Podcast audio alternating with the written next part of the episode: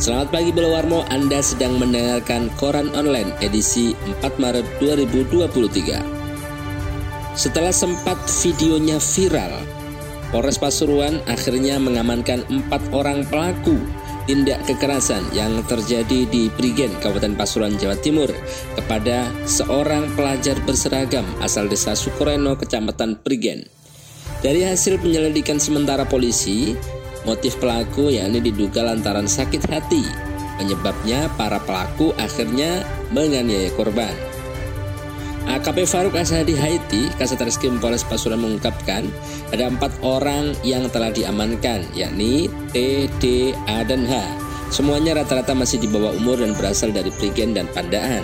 Sedangkan inisial korban yakni N masih umur 15 tahun. Menurut Kasat Reskrim, empat orang yang telah diamankan semuanya adalah teman sebaya. Motifnya, empat orang merasa sakit hati lantaran korban tidak pernah membalas chat atau aktif di WhatsApp grup mereka. Hingga saat ini polisi masih menyelidiki pelaku kekerasan yang dilakukan, menyelidiki motif pelaku kekerasan yang dilakukan.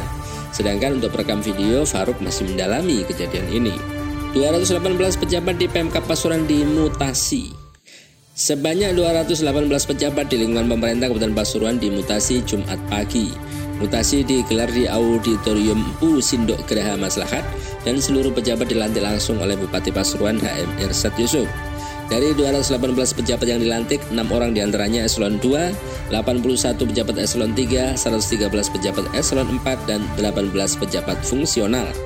Bagi Anda yang ingin mengetahui nama-nama siapa saja yang dimutasi, bisa cek di wartapromo.com. Remaja di Gading hilang terbawa arus sungai.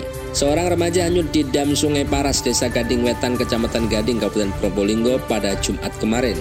Korban berusia 18 tahun diketahui bernama Muhammad Imron, warga Desa Kurobungan, Kecamatan Krucil, Kabupaten Probolinggo.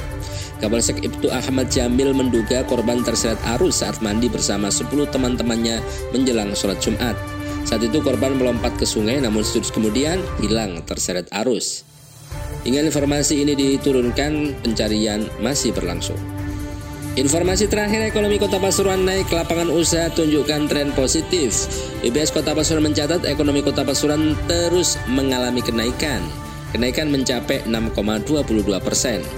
Menurut Kepala BPS Kota Pasuruan, Sri Kadarwati, pada tahun 2022 dari sisi produksi, pertumbuhan tertinggi terjadi pada lapangan usaha transportasi dan perkudangan sebesar 18,57 persen.